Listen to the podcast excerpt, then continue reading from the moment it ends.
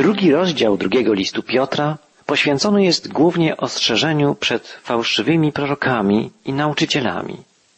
W pierwszym wierszu drugiego rozdziału czytamy Znaleźli się wśród ludu fałszywi prorocy, jak i wśród was będą fałszywi nauczyciele, którzy wprowadzą zgubne nauki, wyrzekając się tego, który ich odkupił i sprowadzą na siebie szybką zgubę.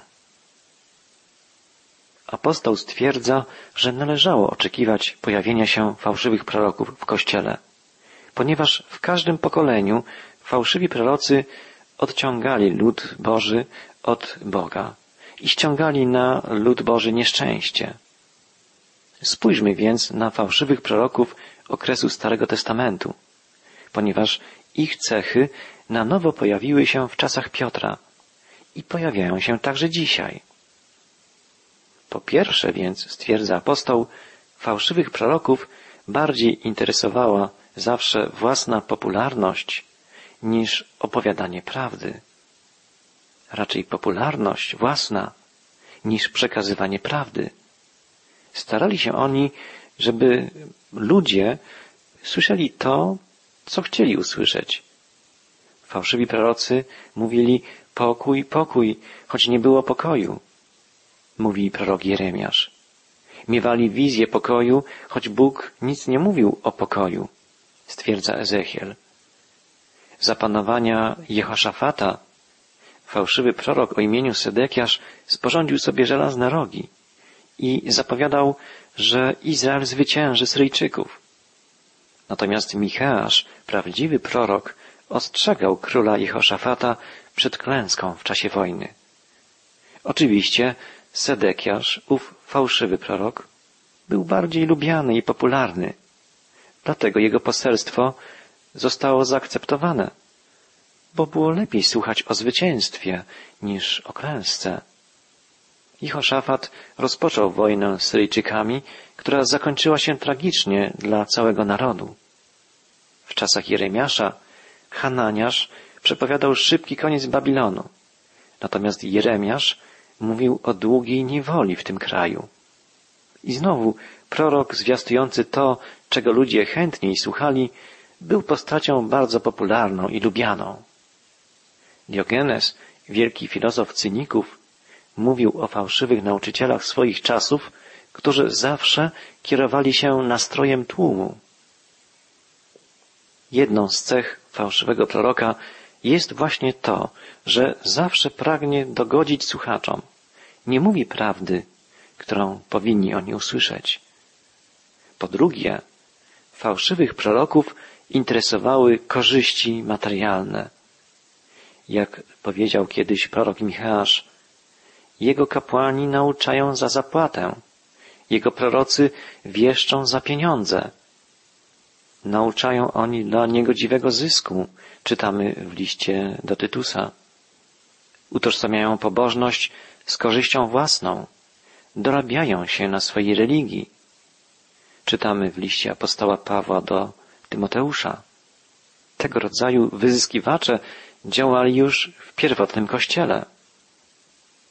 W Didache, czyli nauce dwunastu apostołów, którą można by nazwać pierwszym statutem Kościoła, czytamy, że prorok, domagający się pieniędzy lub zastawienia przed sobą stołu, jest fałszywym prorokiem. Tego rodzaju ludzi Didache nazywa oszustami w Chrystusie. Fałszywy prorok jest chciwy, na innych ludzi patrzy jako na źródło własnych korzyści.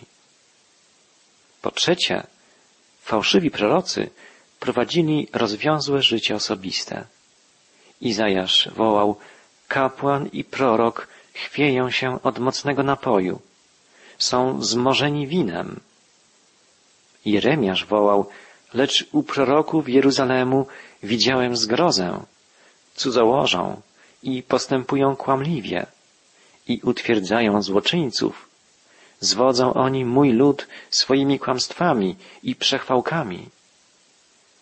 Swoim postępowaniem fałszywy prorok kieruje ludzi ku złu, nie ku dobru. i w końcu fałszywy prorok jest człowiekiem, który zamiast przybliżać ludzi do Boga, odwodzi ich od Niego. Fałszywy prorok prowadzi ludzi w niewłaściwym kierunku. Takie są główne cechy charakterystyczne fałszywych proroków w starożytności. Tak było też w czasach apostolskich, w czasach Piotra. I tak jest także w naszych czasach. Musimy zdecydowanie wystrzegać się fałszywych proroków i fałszywych nauczycieli.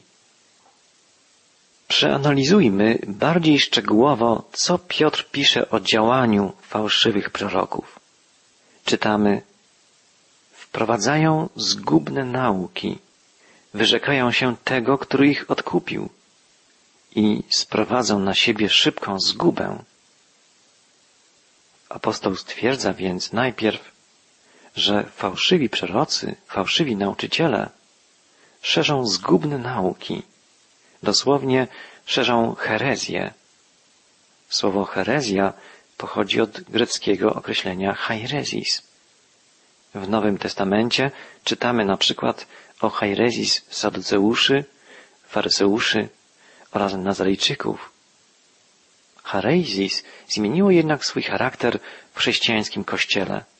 Według Pawła herezje i podziały są zjawiskami zasługującymi zdecydowanie na potępienie. Hairezis to część uczynków ciała. Heretyka trzeba ostrzegać, dawać mu możliwość powrotu, ale jeśli nie usłucha, unikać go, wykluczyć. Tak czytamy w liście do Tytusa. Przed przyjściem Chrystusa, który jest drogą, prawdą i życiem, nie było dokładnego określenia prawdy Bożej. Człowiek stał przed wieloma alternatywami i miał prawo wybrać jedną z nich. Ale po przyjściu Chrystusa Boża prawda została objawiona ludziom. Mogą ją oni przyjąć lub odrzucić.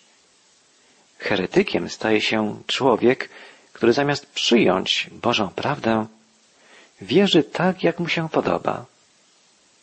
Samowolni prorocy w czasach Piotra podstępnie przekonywali ludzi do przyjęcia ich wiary, ich wierzeń, ich poglądów. Nie zwiastowali objawionej prawdy Bożej. Nie uważali się przy tym za przeciwników chrześcijaństwa. Swoje przekonania uważali za najwyższe osiągnięcie chrześcijańskiej myśli. I tak stopniowo odwodzili ludzi od prawdy Bożej. Dawali im w zamian swoje własne opinie i przekonania, ludzkie nauki, które są właśnie herezją. Ludzie ci, podkreśla dalej Piotr, zapierali się Pana, który ich odkupił. Pojęcie odkupienia przez Chrystusa to jedna z głównych myśli całego Nowego Testamentu. Pan Jezus mówił o oddaniu swego życia jako o kupu za wielu. To właśnie oznacza odkupienie. Ludzie byli niewolnikami grzechu, a Jezus wykupił ich. Wykupił ich z niewoli grzechu za cenę własnego życia. W Księdze Objawienia zastępy niebiańskie śpiewają nową pieśń o swoim odkupieniu przez krew Jezusa Chrystusa. Jest to tłum ludzi z każdego plemienia, języka, ludu, narodu. Wyraźnie widzimy tu dwie rzeczy. Po pierwsze, iż sprawa odkupienia całkowicie zależy od dzieła Chrystusa. Po drugie, że życie kupione za tak wysoką cenę nie może być roztrwaniane i rozmieniane na błahe, grzeszne sprawy. Heretycy natomiast, opisani w liście Piotra, czynili to i w ten sposób zapierali się Pana, który ich odkupił. Może nauczali, że nie znają Chrystusa i odrzucali Jego autorytet, ale mogło również być inaczej. Czasem byli w tamtych czasach ludzie, którzy uważali się za chrześcijan, nawet za najmądrzejszych spośród chrześcijan. Możemy sobie wyobrazić taką sytuację na przykład w życiu małżeńskim. Mężczyzna zapewnia o swojej miłości do własnej żony, a stale ją zdradza. akty niewierności zdają kłam Jego pięknym słowom o miłości. Ktoś inny składa przysięgę wierności, którą codziennie narusza. Jego postępowanie jest sprzeczne ze słowami.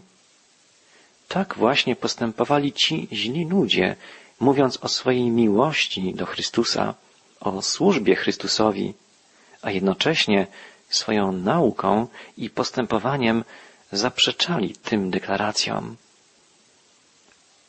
Taka postawa jest jeszcze gorsza i jeszcze bardziej szkodliwa niż jawne odrzucanie Jezusa.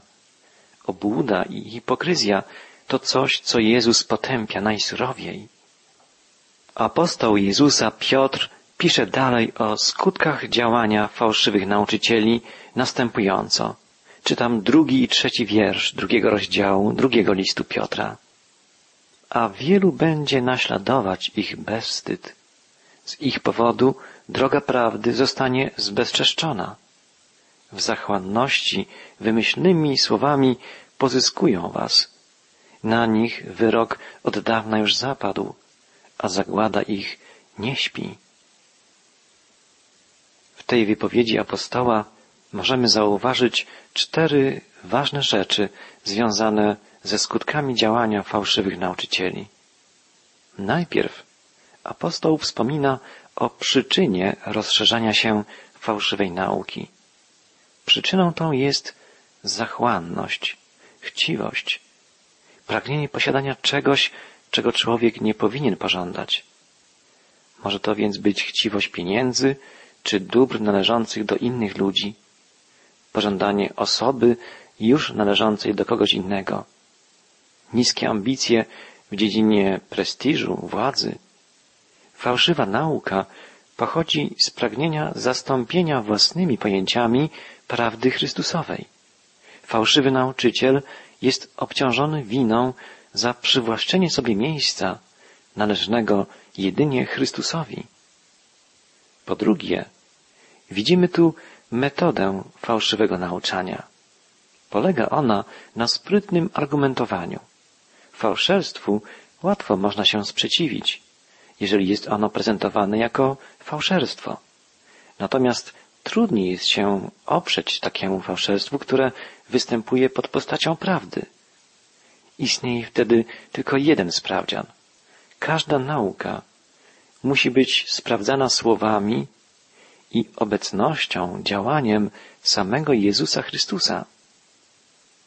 Po trzecie, widzimy tu skutki fałszywego nauczania. Są one dwojakie. Jeszcze bardziej pogrąża ono ludzi w niemoralnym życiu. To najważniejsze i najgorsze. Musimy pamiętać, na czym polegała błędna nauka. Wypaczała ona łaskę Bożą dla usprawiedliwienia własnego grzechu. Fałszywi nauczyciele przekonywali, że łaska Boża jest niewyczerpana i że dlatego można grzeszyć ile się da, bo łaskawy Bóg zawsze i tak nam przebaczy. Ta błędna nauka miała też drugi skutek. Poniżała ona chrześcijaństwo.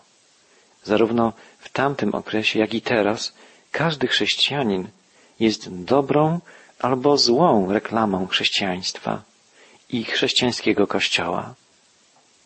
Każda nauka, która powoduje oddalanie się ludzi od Chrystusa, zamiast ich do Niego przyciągać, jest nauką fałszywą.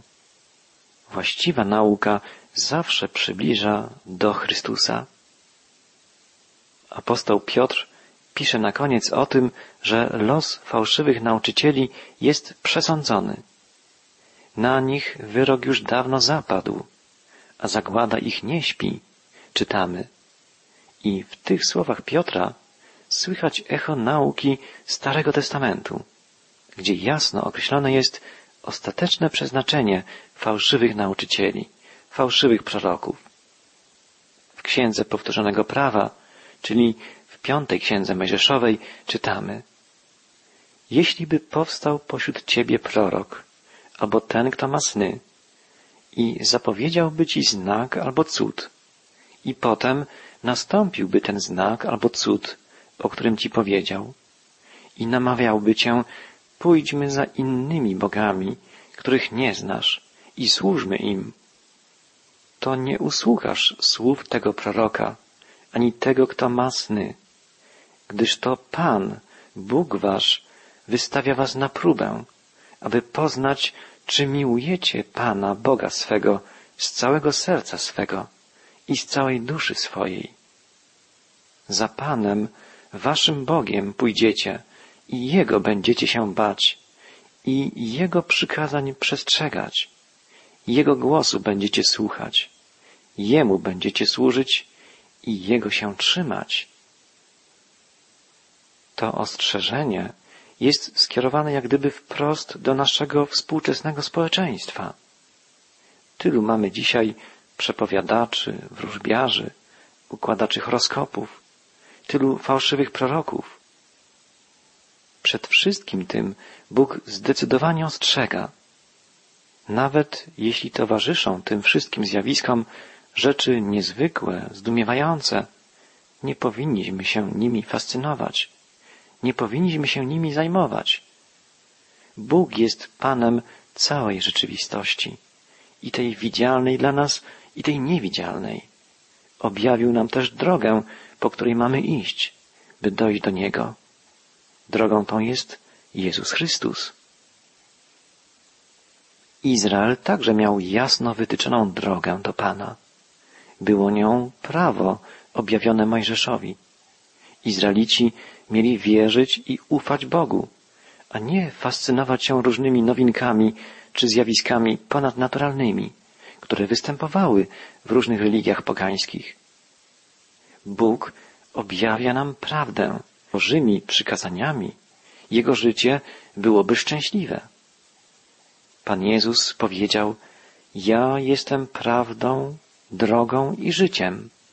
Nikt nie przychodzi do Ojca inaczej, jak tylko przeze mnie.